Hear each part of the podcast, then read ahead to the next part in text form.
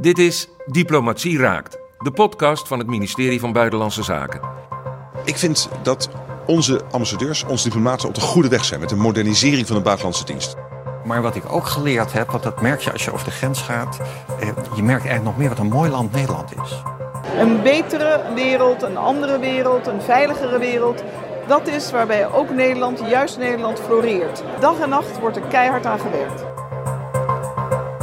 Mijn naam is Herman van Gelderen en in elke aflevering schuiven de leukste en interessantste diplomaten bij mij aan. Meestal ambassadeurs, maar ook consuls en permanent vertegenwoordigers.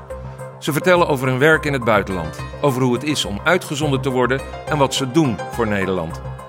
Zo spreek ik met Rob Zwartbol, ambassadeur in Jakarta, Marisa Gerards, permanent vertegenwoordiger bij de NAVO en Barbara Hellemons, onze vrouw in Zimbabwe. Over hun werk, dagelijks leven, president Trump, aardbevingen en of diplomaten kunnen meelopen in een demonstratie. Luister naar Diplomatie raakt in je favoriete podcast-app.